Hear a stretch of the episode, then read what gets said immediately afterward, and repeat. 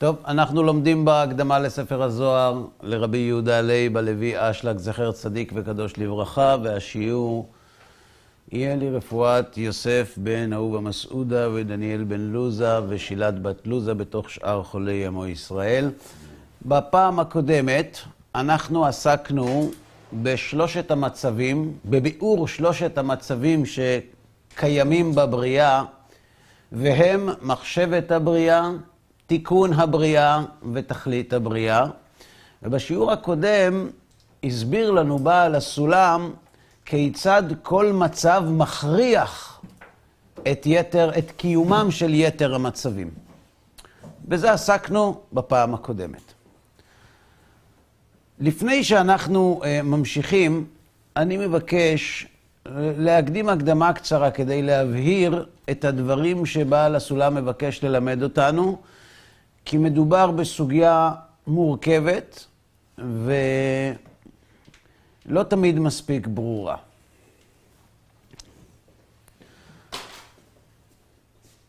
בפרשת בחוקותיי, בחומש ויקרא, הקדוש ברוך הוא מלמד את משה רבינו שהבריאה, כלומר המציאות, מתנהלת בכפוף להתנהלות רוחנית. שזהו חידוש גדול. הרמב"ן, כשהוא מדבר על הניסים הנסתרים, הוא מתכוון ללמד אותנו שעצם העובדה שההתנהלות הגשמית מגיבה למעשים בעלי השלכה רוחנית, זהו נס. רק הוא נס נסתר כי הוא מתגלה בתוך הטבע. אבל כאשר אם בחוקותיי תלכו ונתתי גשמכם בעיתם, או אם בחוקותיי תלכו והשבתי חיה רעה מן הארץ, או וחרב לא תעבור בארצכם, אלה תופעות שמופיעות בתוך הטבע, אבל אין להן שום קשר טבעי לאם בחוקותיי תלכו. כלומר, העובדה שההתנהלות הטבעית מגיבה לציוויים רוחניים שמופיעים בתורה, זהו נס, שהוא לא פחות גדול מן הנס הגלוי ששובר את הטבע, כיוון שהוא נס מתמיד יותר, כי הוא נמשך ומתגלה בתוך הטבע. אלא שכאן יש שאלה גדולה. אם אנחנו מסתכלים בפרשת בחוקותיי, התורה גם כותבת את הצד השני. כלומר, מה יקרה אם בחוקותיי תמאסו ואת מצוותיי תגאל נפשכם,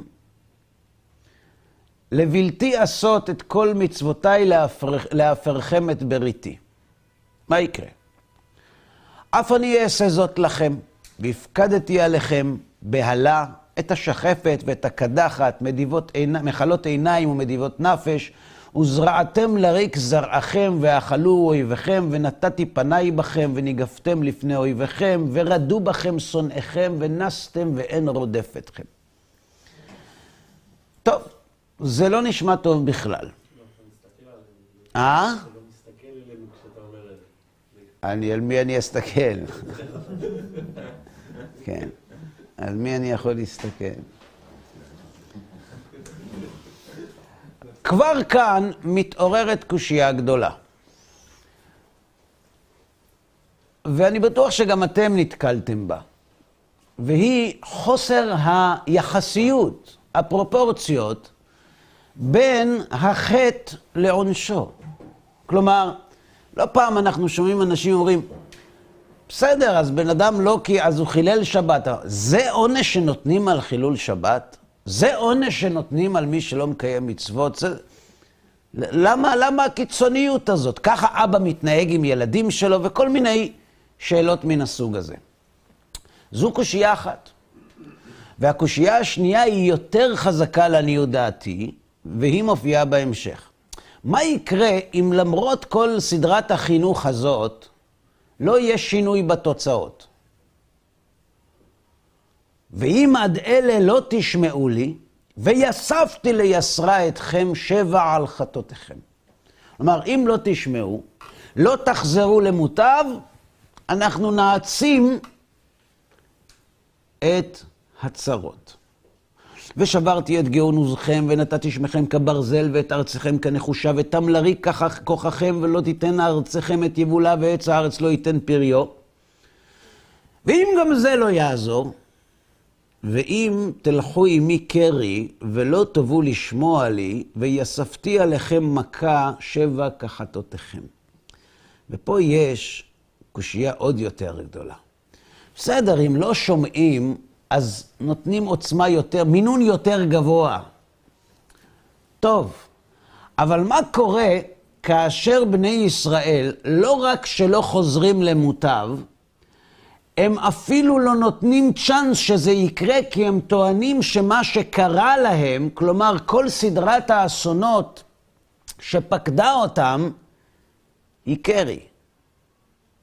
כלומר, היא מקרה. היא איננה בהשגחה. מה יעזור אם תלכו עמי בקרי ולא תבואו לשמוע לי, ויספתי עליכם מכה שבע כחתותיכם? בן אדם שמאמין בהשגחה, ולא מסתדרים לו דברים, אז הוא או מתקן את דרכיו או לא מתקן את דרכיו, אבל הוא לפחות יודע מה הכתובת. אבל האנשים שכשמייסרים אותם, הם אפילו לא מייחסים את הייסורים למכה, אלא למקל שמכה אותם, מה יעזור אם יכו אותם במקל חזק יותר? האם הקושייה ברורה? השאלה ברורה? מה התועלת שצומחת מהעצמת הצרות, כאשר אלה שסובלים מן הצרות לא מאמינים שהצרות באות להם מידי שמיים? אה, עזרה, כי אם הצרות נמוכות, הם יכולים לסמוך... הם יבקשו עזרה. מאשור, ממצרים, הם יבקשו עזרה. למה? לא, זה לא כתוב. זה, זה, זה לא כתוב כאן. על פי שבע זה. ואם בזאת לא תשמעו לי והלכתם עמי בקרי, והלכתי עמכם בחמת קרי פעם שלישית, והסרתי אתכם אף אני שב וכחתותיכם, ואכלתם בשר בניכם ובשר בנותיכם תאכלו, והשמדתי את במותיכם. ו... ומה אז? אז תרצה הארץ את שבתותיה, כל ימי השמה, ואתם בארץ אויביכם. והנשארים בכם הבאתי מורח בלבבם בארצות אויביהם, ורדפתם כל עלי נידף, וכשלו איש באחיו, ועבדתם בגויים ואכלה אתכם ארץ אויביכם. והנשארים בכם יימקו בעוונם בארצות אויביכם, ואף בעוונות אבותם ייתם יימקו. ואף אני אלך עמם בקרי, והבאתי אותם בארץ אויביהם. או אז ייכנע לבבם הערל, ואז ירצו את עוונם. ו... אה, ו... וזכרתי את בריתי יעקב. לא קשור אליהם. וזכרתי את בריתי, ואהב את בריתי יצחק, ואהב אברהם אזכור, והארץ אזכור, והארץ תעזב מהם וכולי. יענו ויען במשפטי מאסו, ואת חוקתי גאלה נפשם. ואף גם זאת בהיותם בארץ אויביהם, לא מאסתים ולא גאלתים לכלותם להפר בריתי איתם, כי אני השם אלוהים, וזכרתי להם ברית ראשונים אשר הוצאתי אותם מארץ מצרים. לא כתוב שהם אה, הגיעו לצומת T, לא כתוב שהם אמרו בסדר, אנחנו לא בסדר, זה מידי השגחה. מה, מה התועלת בכל זה? אבל בסוף כן כתוב שהם ישובו. לא, לא כתוב. הם ייצרו את העוון שלהם. ייכנע לבבם מערל, וירצו את עוונם. אז זה מופיע ב"כי תצא". אה, זה, זה משהו אחר, זה נכון. זה משהו אחר. יש פה עוד שאלה. יש מה? פה בעצם איזה טבע יש פה? יש פה טבע שבעצם מתנהג לפי ההתנהגות הרוחנית.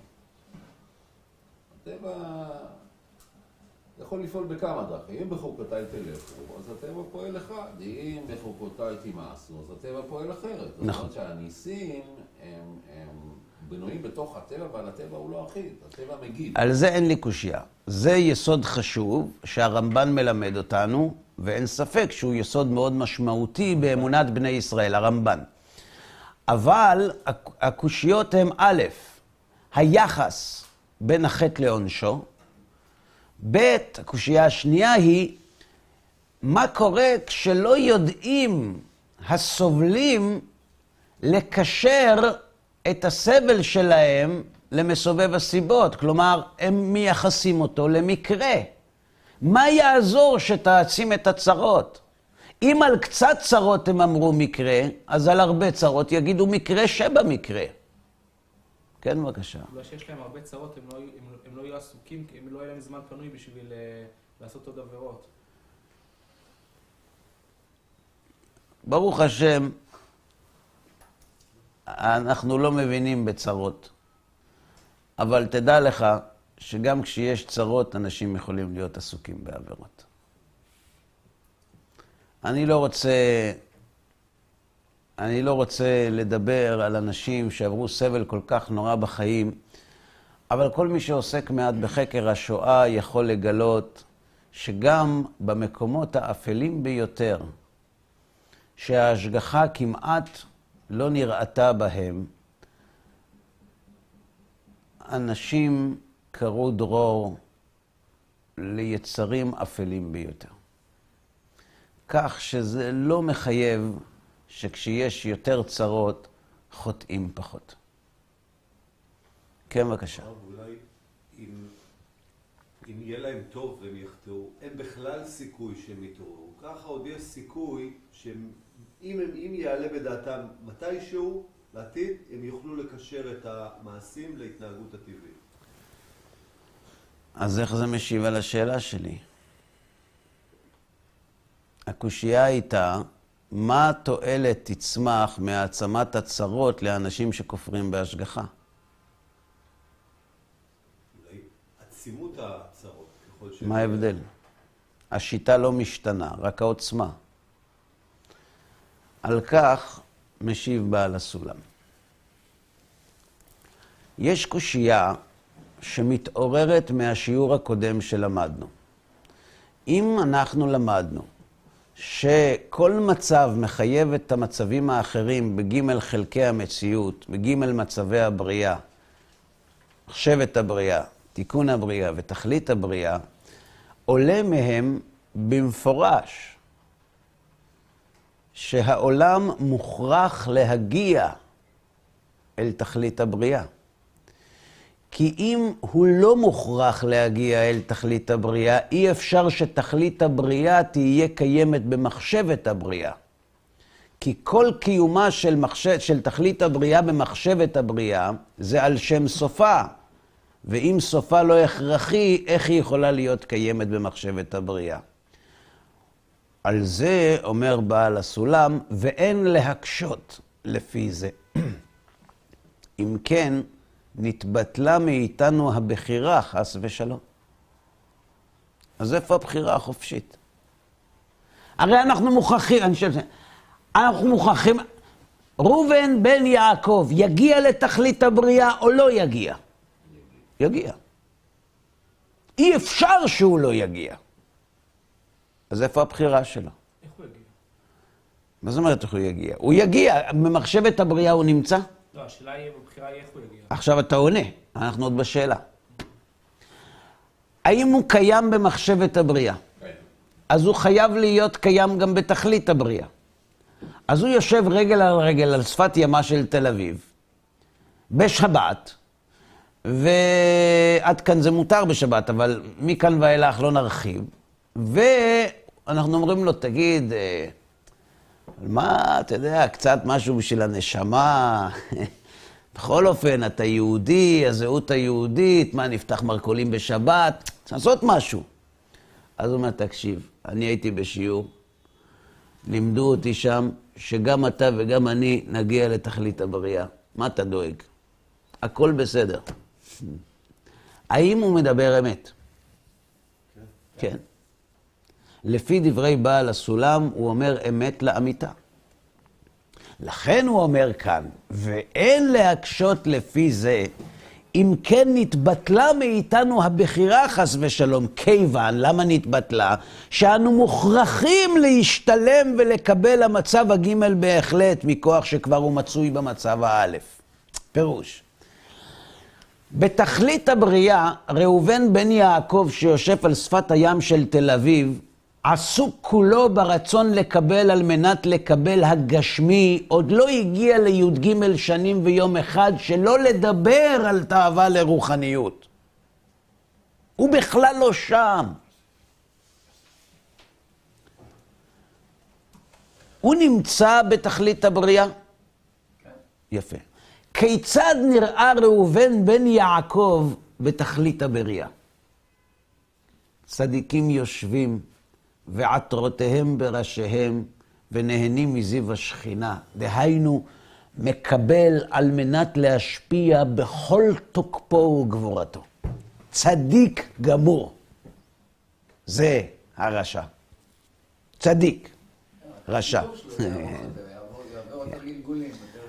אז אנחנו רואים שלמרות שכיום הוא נראה כך,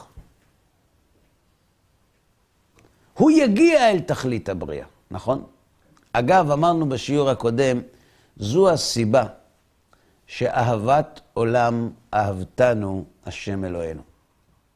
זו הסיבה שחמלה גדולה ויתרה חמלת עלינו.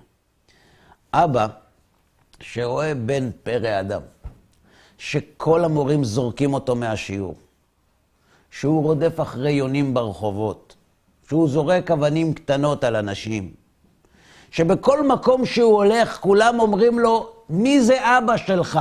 למה? כי לגן עדן אתה שולח אותו. גיהנום כבר יש לו ממך פה.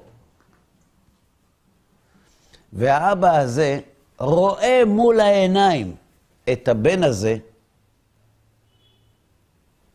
כשהוא הכי מוצלח מכל הילדים שלו, מכל השכונה, מכל העיר, מכל המדינה, מכל המין האנושי. הוא רואה אותו עוד עשרים שנה, הוא רואה. האם הוא יכעס עליו? לא. לא. למה? אולי הוא יעניש, אבל לא יכעס, נכון? למה אתה, למה אתה משבית שמחות? לא, אני רוצה להבין. למה שיעניש אותו? למה להעניש? אני באמת שואל אותך, למה להעניש?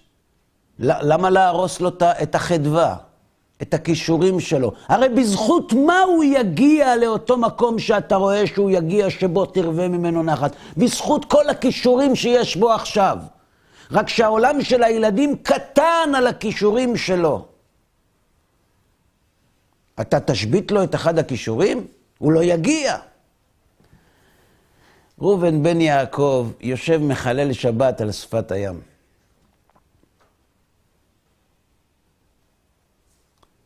רשע, מחלל שבת בפרהסיה. אהבתי אתכם, אמר השם. למה? כי ראובן בן יעקב שעכשיו מחלל שבת על שפת הים, נמצא במצב צבירה אחר. במצב הגימל, שקיים כבר במצב האלף, כעת במחשבת הבריאה, מתוקן בכל התיקונים. אז איך לא יאהב אותנו הקדוש ברוך הוא? שהרי אין מחוסר זמן נוהג ברוחניות. אז הוא רואה אותו כבר על שם סופו, מתוקן בכל התיקונים. עכשיו תגידו לי, כשאבא יושב עם הבן שלו והוא רואה מה הוא עתיד להיות, גדול שבגדולים, ומישהו מדבר עליו לשון הרע, משפיל אותו, מבזה אותו, פוגע בו, גוי! זה עושה נחת לאבא שלו? לכן הקדוש ברוך הוא לא אוהב שמדברים לשון הרע על הילדים שלו. גם כי הם הילדים שלו, אבל גם כי הם כבר מצויים אצלו במצב המתוקן שלהם. אומר בעל הסולם, אל תקשה שנתבטלה מאיתנו הבחירה, כי אנחנו מוכרחים להגיע למקבלים על מנת להשפיע, מוכרחים להגיע, אי אפשר שלא נגיע. אז אם אי אפשר שלא נגיע, מהי נפקא מינה באיזה מצב הוא נמצא? כצדיק כרשע. מקרה אחד יקרה את כולם. אבל ב- בתכלית? זאת אומרת, כמו שאומרים שיש ל... לא. אומרים שנגיד אלה שמתי מתי מלכות, אין להם... אה, זה בגן עדן. מצב זמני. אה, כל המדרגים זה בעולם של... בגן עדן, לא בעולם הבא? יש הבדל בין עולם הבא לגן עדן. כותב הבן של בעל הסולם, כל ההבדל בין צדיקים שמקבלים שכר כל אחד לפי מדרגתו, שייך לומר רק לפני גמר התיקון. שהשכר שלהם מהבחירה הוא שמרוויחים זמן מזה שעושים בחירה. זה תכף נבין. אבל בגמר התיקון, במצב הג', כשהכל יתוקן ויהיה זיווג אחד בהצטברות הזיווגים שיוצאים בזה אחר זה, יהיו כולם שווים. שכולם ייהנו מבחינה עליונה שתאיר בכל הקומה, ואז לא יהיה הבדל בין נשמה לנשמה. וכל ההבדל הוא רק לפני גמר התיקון, שאז כל אחד מקבל לפי הבחירה שלו. פירוש. עונה בעל הסולם על השאלה ששאל. אז איפה הבחירה? אז כבר כאן צריך לצמצם ולומר, בחירה יש, לא חופשית. כלומר, הבחירה היא חופשית לגמרי, אבל היא לא חופשית באפשרויות. כלומר, נכנס בן אדם לחנות, יש שם שני סרטים, שני תקליטורים. אנחנו יודעים שבחנות הוידאו השכונתית הזאת יש רק שני סרטים. אנחנו מכירים את שניהם. האם אנחנו יודעים מה הוא יראה הערב? אתה אומר לא. זה קטע קיצוני. אנחנו יודעים מה הוא יראה הערב. הוא יראה או סרט א' או סרט ב'. אנחנו מכירים את סרט א' וגם מכירים את סרט ב'. אז האם אנחנו יודעים מה הוא יראה? האם אנחנו מכירים את כל האינפורמציה שמופיעה בשני התקליטורים?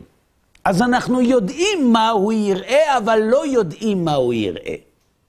אנחנו יודעים מה הוא יראה כי יש לו רק שתי אפשרויות, אין יותר. ואת שתיהן אנחנו מכירים. מה הוא יבחר לראות, אנחנו עוד לא יודעים.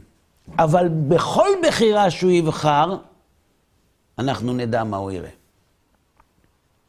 כלומר, יש בחירה, אבל היא מצומצמת, היא מוגבלת. ראה אנוכי נותן לפניכם היום, ברכה וקללה. ראה נתתי לפניך את החיים ואת הטוב, את המוות ואת הרע. ובחרת בחיים. אין יותר מדי אפשרויות. יש חיים ומוות, טוב ורע, ברכה וקללה. בשביל שתהיה בחירה, מספיק שיש אפשרות נוספת. כלומר, ברגע שיש גם מים וגם קפה, אתה בוחר מה לשתות. נכון שאם יש רק מים אתה יכול לבחור לא לשתות, אבל זו גם אפשרות אחת מתוך שתיים. תמיד כדי שתהיה בחירה חייבת להיות עוד אפשרות, כי אם אין אז אין בחירה, אתה אנוס, אתה מוכרח. זה מה שהקדוש ברוך הוא השיב לאיוב. אומר איוב לקדוש ברוך הוא, אנחנו מוכרחים, אין לנו בחירה, בראת השור פרסותיו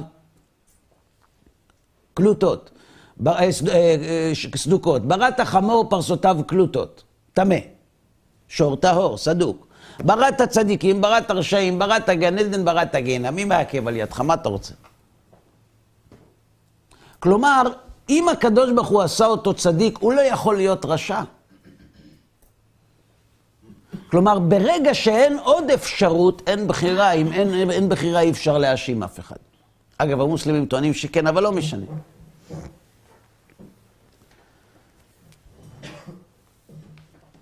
אומר בעל הסולם, בכדי שתתאפשר הבחירה, לא צריך יותר משתי אפשרויות. והעניין הוא, כי בית דרכים מכין לנו השם יתברך במצב הבית. מהו המצב הבית? מה זה תיקון? תיקון הבריאה. זה עבודה. זה זמן העבודה. הזמן שבו אנחנו צריכים לצמצם את הרצון לקבל, נכון? כדי להכשיר את הכלי למצב הגימל. יש בית דרכים בזמן התיקון, בזמן העבודה. כלומר, אתה יכול לעשות את העבודה בשתי אפשרויות. כדי להביאנו אל המצב הגימל. כי הרי אנחנו מוכרחים להגיע לשם. אז יש שתי דרכים. האחת, הוא דרך קיום התורה ומצוות. על דרך שנתבהר לעיל. אנחנו למדנו שעל ידי שהאדם עוסק בתורה ובמצוות, הוא מעצים את הרצון לקבל הרוחני. הוא מגיע על ידי הרצון להגיע ללשמה, המאור שבה מביא אותו להכרת הרע, והוא מבין את השלילה שברצון לקבל, והוא מבין ששימוש ברצון לקבל על מנת לקבל מרחיק אותו מהקדוש ברוך הוא, ועל כן הוא רוצה להגיע לדבקות בבורא ולהפסיק לקבל ולהשתמש ברצון בדרך כזאת שלילית, ואז הוא מגיע אל גמר התיקון שלו. בסדר? זה אם הוא עושה את זה על ידי התבוננות, על ידי לימוד, על ידי הבנה. אבל יש עוד דרך. דרך ייסורים. מה ייסורים? למה לאיים? מה? כאילו אם יש אנשים שמאוד לא אוהבים לשמוע על הדברים האלה. למה אתה מאיים? למה אתה מאיים? אני לא מאיים. דרך ייסורים זה לא מה שאתה חושב. זה יותר גרוע.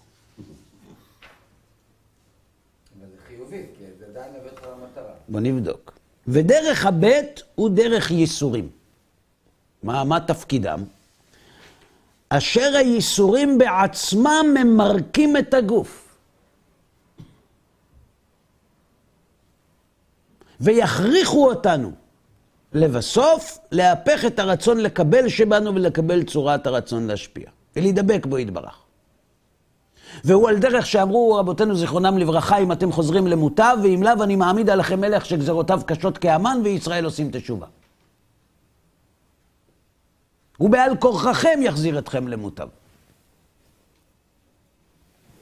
מה תפקיד הייסורים? אנחנו חוזרים לפרשת בחוקותיי. מה תפקידם של הייסורים? אם תפקידם של הייסורים הוא לעורר את האדם לחזור בתשובה, והוא לא מאמין בהשגחה פרטית, האם הייסורים יגרמו לו לחזור בתשובה? לא. אומר בעל הסולם שתפקיד הייסורים הוא אחר.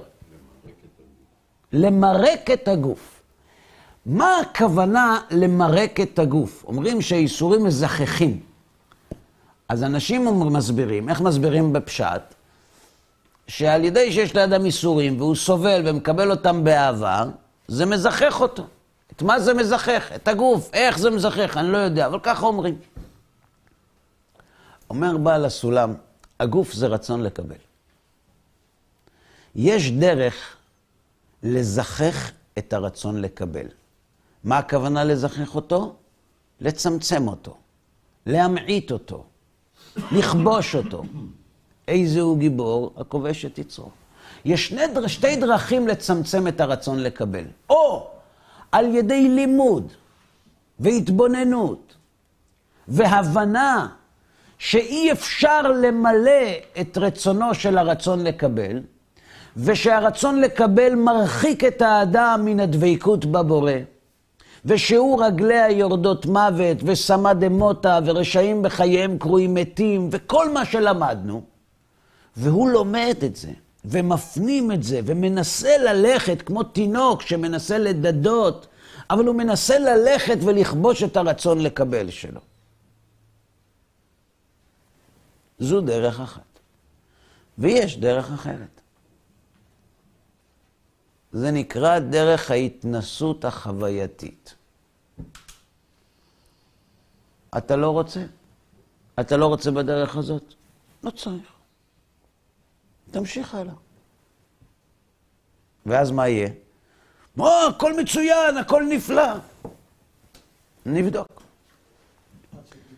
בן אדם שזקוק למשקפיים ולא רוצה להרכיב משקפיים, ואומר לרופא שלא יתערב לו בחיים ויחליט בשבילו אם הוא יכול לראות או לא יכול לראות, הרופא לא מתווכח. הוא אומר לו, לא צריך. לא צריך. ואז כשהוא ירצה לחדש רישיון נהיגה, יגידו לו, אתה רואה? הוא יגיד, אני רואה. ישאלו אותו, מה אתה רואה? ויראו מה הוא רואה, ויגידו לו, אם מה שאתה רואה אפשר לנהוג. ואז הוא יצטרך לרוץ אחרי הרופא. התנסות חווייתית זה לשיטתך, כמו שנאמר בתלמוד ולטעמיך. אתה רוצה להמשיך בדרך שלך? אל תחשוב שיגיעו לך צרות מהשמיים. לא עובדים בצורה הזאת. תמשיך בדרך שלך. והחיים ילמדו אותך שהשימוש ברצון לקבל לא מספק את הסחורה. מה אנשים אומרים? רגע, אבל בן אדם מת, עשה חיים כל החיים שלו. מי מדבר ככה? מי שלא מאמין בהישארות הנפש. מי שלא מאמין בהישארות הנפש, איזה חלק יש לו בלימוד שלנו? אז הוא כן מאמין בהישארות הנפש. אז למה אתה אומר שהוא מת מרוצה? זה בערך כמו להגיד שבן אדם עשה דבר רע, והוא סיים את היום מרוצה. אבל יש מחר. כלומר, אם אתה מתעלם מהישארות הנפש, אין לך חלק בלימוד הזה. ואם אתה מקבל את הישארות הנפש, אתה לא יכול לשאול שאלה כזאת. כן, אבל הוא מת מרוצה. בסדר. אז הוא יבוא לפה עוד פעם. תכף תראו מה כותב על זה בעל הסולם. בכל מקרה, הייסורים הם סוג של התנסות חווייתית. אני משתמש תמיד בדוגמה של האו"ם. ארגון האומות המאוחדות, הרופס, המנוון, המושחת, זה ארגון שהוקם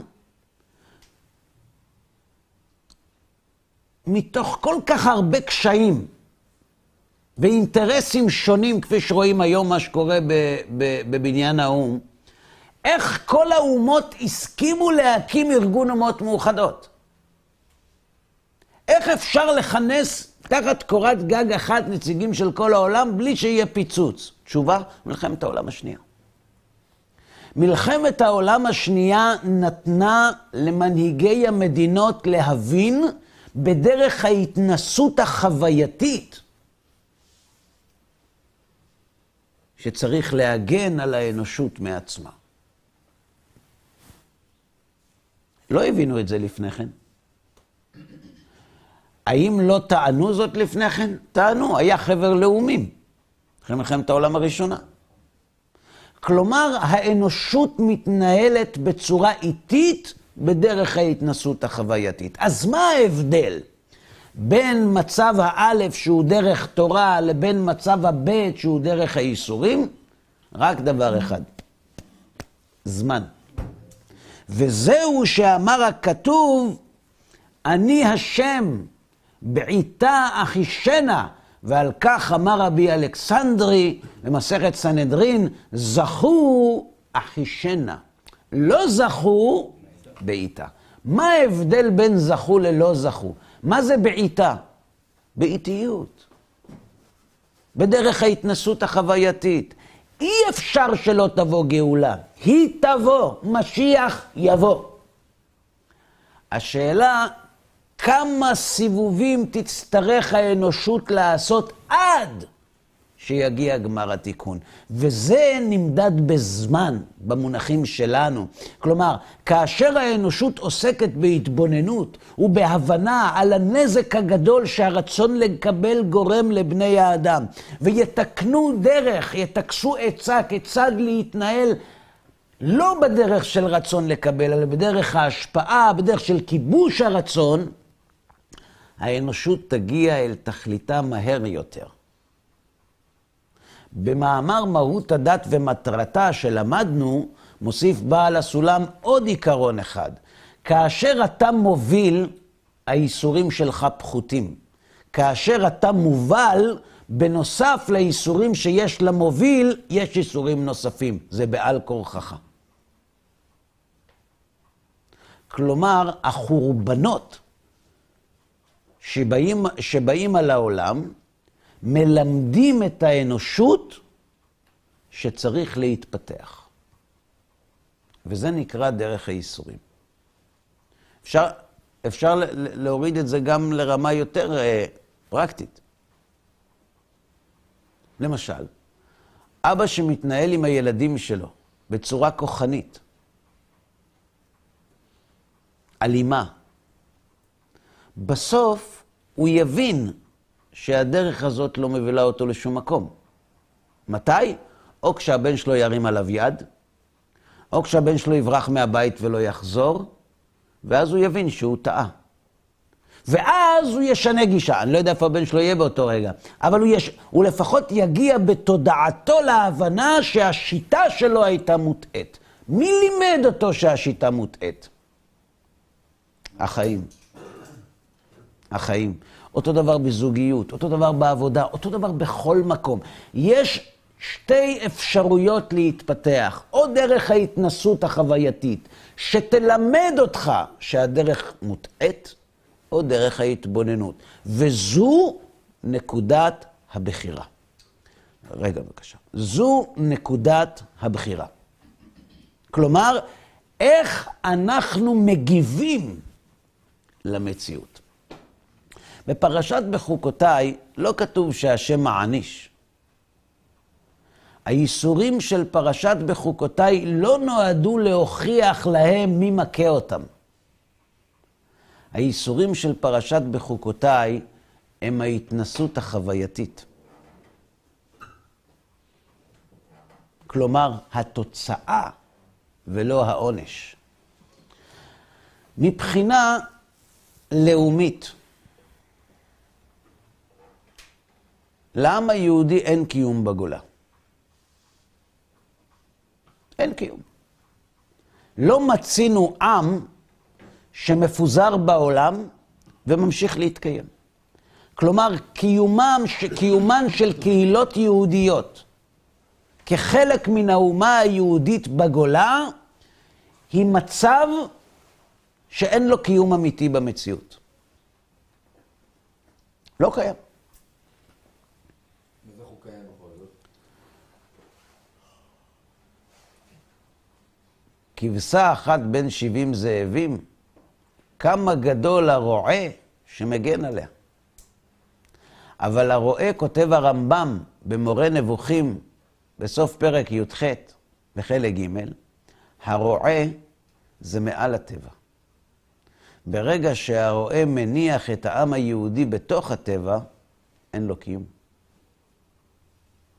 אז כשהעם היהודי חווה בהתנסות חווייתית את הנזק שהגלות גורמת לו, הוא מתאווה לשוב לארץ ישראל.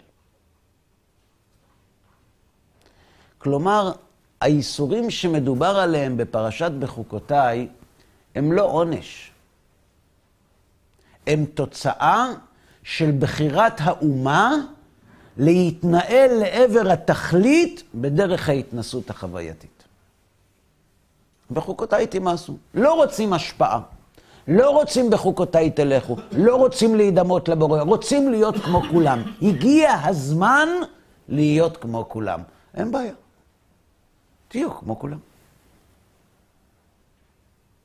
והעם היהודי לאט לאט מבין שהוא לא כמו כולם, גם אם הוא מאוד רוצה להיות. מי לימד אותו את זה? המושג הזה, הגורל היהודי. מי לימד את היהודי שיש דבר כזה גורל יהודי? ההתנסות החווייתית. ההתבוללות בגרמניה, הגירוש מספרד, הגירוש מצרפת, הגירוש מאנגליה, הפרעות, הפוגרומים, העלילות, השואה, ואפילו היום. אפילו היום. כאשר יש מדינה, ואנחנו מדינה ככל המדינות, חברה המדינה שלנו במוסדות בינלאומיים, ועדיין אנחנו מתוסכלים מן השאלה למה ובכל זאת, אנחנו לא כמו כולם. זו דרך ההתנסות החווייתית. בלעם אמר את זה בדרך תורה. הן עם לבדד ישכון ובגויים לא יתחשב. אתה חושב את זה אחרת? תנסה. בסוף, בסוף אתה תגיע לעם לבדד ישכון. השאלה אם תעשה את זה בדרך תורה, או תעשה את זה בדרך ייסורים. פירוש, אם זוכים על ידי דרך האלף, שהוא על ידי קיום תורה ומצוות, אז אנו ממהרים את התיקון שלנו. ואין אנו צריכים לייסורים קשים ומרים ואריכות הזמן שיספיק לקבלם, שיחזירו אותנו למוטב בעל כורחנו. ואם לאו, לא רוצים. לא נורא. אז בעיטה. דהיינו, רק בעת שהייסורים יגמרו את התיקון שלנו. מה אמר בעל הסולם? שהייסורים ממרקים את הגוף. כלומר, הצער והייסורים ממרקים את הרצון לקבל. הם מביאים את האדם להבנה שחיים בשפת הרצון לקבל לא כדאיים, לא מספקים את הסחורה. יש שתי אפשרויות בלבד להגיע לזה, בדרך התבוננות או בדרך ההתנסות. ותגיע לנו את התיקון בעל כורחנו. וכאן הוא מוסיף משפט קצר שלפעמים מדלגים אותו ולא שמים לב. ובכלל דרך הייסורים הם גם עונשי הנשמות בגיהנום. אבל בין כך ובין כך, גמר התיקון, שהוא מצב הגימל, הוא מחויב ומוחלט מצד מצב האלף, וכל הבחירה שלנו היא רק בין דרך ייסורים לדין תורה ומצוות. שמתם לב מה הוא אמר כאן? הוא הבליע פה משפט. תדע לך שמה שאתה אומר בשיעור, שדרך הייסורים זה דרך ההתנסות החווייתית, חוויות יש לא רק פה. גם בגיהנם יש חוויות. גם פה וגם שם. בוודאי. אבל איך הנשמה תזכור מה היה פה? אה? אדם יודע מה היה איתו קודם, הוא מתחיל גלגול חדש. לא, שם למעלה הוא יזכור. לא, לא, אני, איך, איך הגעת לגלגול? אנחנו לא בעניין של גלגולים. אנחנו אומרים שההתנסות החווייתית פירושה ההכרה בגנותו של הרצון לקבל על מנת לקבל. אם האדם לא הספיק בעולם הזה, מעומק המ- המושג וקוצר המשיג, להגיע להבנה שהשימוש ברצון לקבל הוא מקולקל, אומרים, לא, לא נורא, יש גיהינם. למה אתה מאיים? אני לא מאיים. אתה יודע מה זה גיהינם? אתה יודע מה זה גיהינם? אתה יודע מה זה? לא יודע? לא? לא, לא זוכר? מה? באמת שאתה לא יודע מה זה? מדיח, אה? מדיח. גיהינם זה גן עדן. זה גן עדן. זה גן עדן גיהינם. באמת. כן, נו, זה... גיהינם זה גן עדן. רק עם רצון לקבל. מה זה גן עדן? גן עדן זה מצב שבו הנשמה נמצאת בדבקות עם הבורא. לפי כוח ההתגברות שלה בעולם הזה. לפי קניינה את כוח ההשפעה. לפי רכישת המסך של ההתגברות על הרצון לקבל בעולם הזה. כלומר, ככל שאתה יכול להתגבר יותר על הרצון לקבל בעולם הזה, אתה מגיע למצב של דבקות גבוה יותר עם הבורא, וזה גן עדן. ואם לא? רק שנייה, אני... בואו נחשוב רגע, האם סביר להניח שאני אומר גם את האופציה השנייה? נראה לך. רק סבלנות. אז אנחנו אומרים שגן עדן זה מצב שבו הרצון לקבל לא בשימוש. וכיוון שהוא לא בשימוש, יש השתוות ויש התענגות, נכון?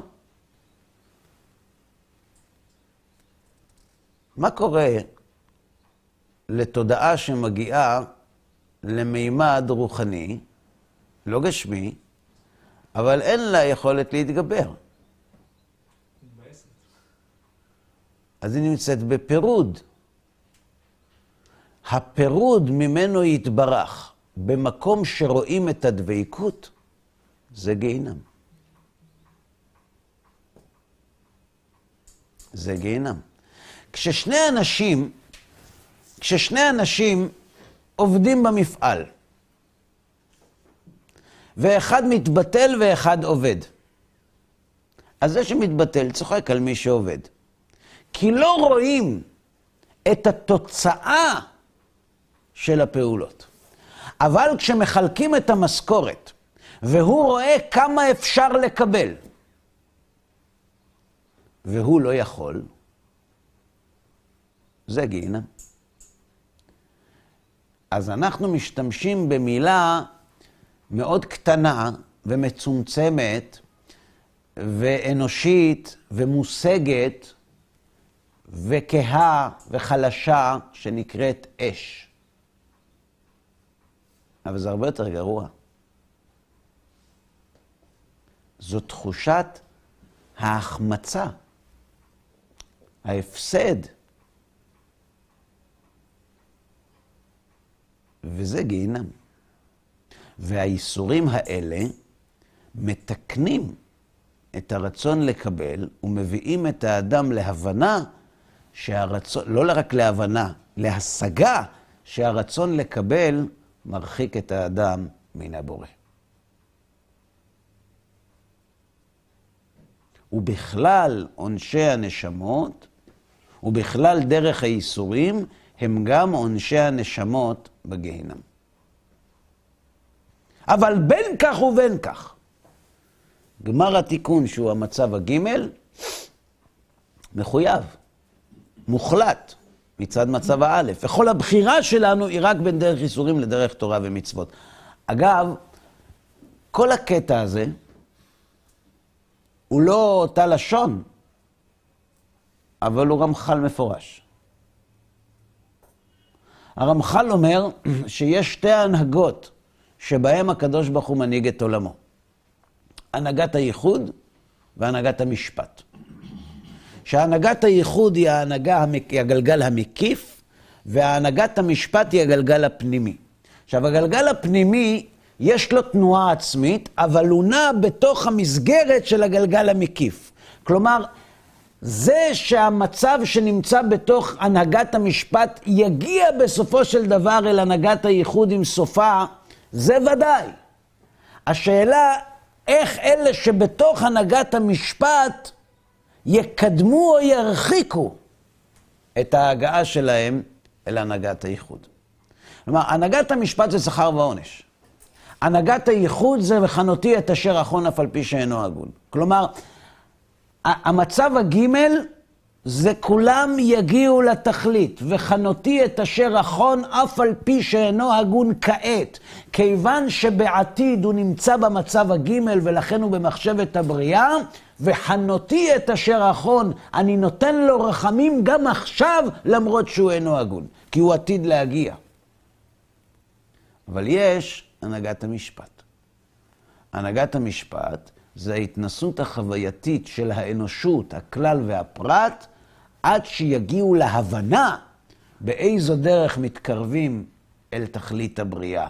ובכלל, ההתנסות החווייתית משחיל בעל הסולם גם את עונשי הגיהינם. כן, בבקשה. הזכרת פה את ההתאמה לדברי המח"ל, רציתי לשאול, המח"ל אומר בעצם בתחיית המתים, שזה כבר אחרי הגן עדן, שה... שבעצם כל אחד מקבל את, ה... את המצב שלו בדרגתו לפי המעשים הטובים שלו. זה לא כתוב ברמח"ל, זה כתוב במסילת ישרים על גן עדן. בדרך השם. על דרך השם, אז שנלמד דרך השם נבדוק. אני אגיד לך רק דבר אחד, מן הסתם אין סתירה בדברי הרמח"ל מספר לספר. אז, אז, אז, אז נבדוק בעזרת השם. קודם כל נסכם פה את נושא תחיית המתים על פי בעל הסולם, ואחר כך נבדוק התאמה לספרי הרמח"ל. כן. אמ, יש, שמעתי פעם את הנושא של כף הקלע, שלא יוצאים משם. אם כולם מגיעים לתכלית, אז מה זה בדיוק הכף הקלע שלא יוצאים משם? אז כן יוצאים משם?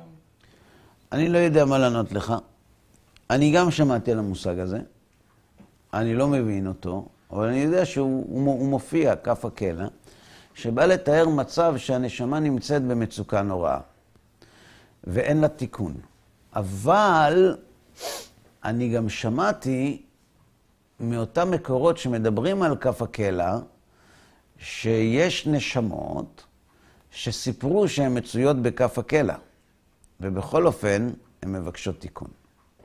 כלומר, הן לא יכולות להגיע אל התיקון בכוח עצמם, והן מבקשות עזרה מבני אדם בעולם שלנו, כדי שיסייעו להם לצאת מהמעגל קסמים הזה שנקרא כף הקלע ולהיות מתוקנים. כלומר, גם למצב הזה יש סוף. ברור? והנה נתבהר היטב איך ג' המצבים הללו של הנשמות קשורים זה בזה ומחייבים בהחלט זה את זה. עם היסוד הזה, הוא הולך להסביר לנו את אחת הקושיות שהוא הקשה בתחילת הספר. הבורא הוא כל כך שלם והבריות כל כך מקולקלות, איך אפשר שמבורא שלם תצאנה בריות שפלות, אבות, קלות ונפסדות כאלה? ועל כך ישיב לנו בפעם הבאה. עד כאן.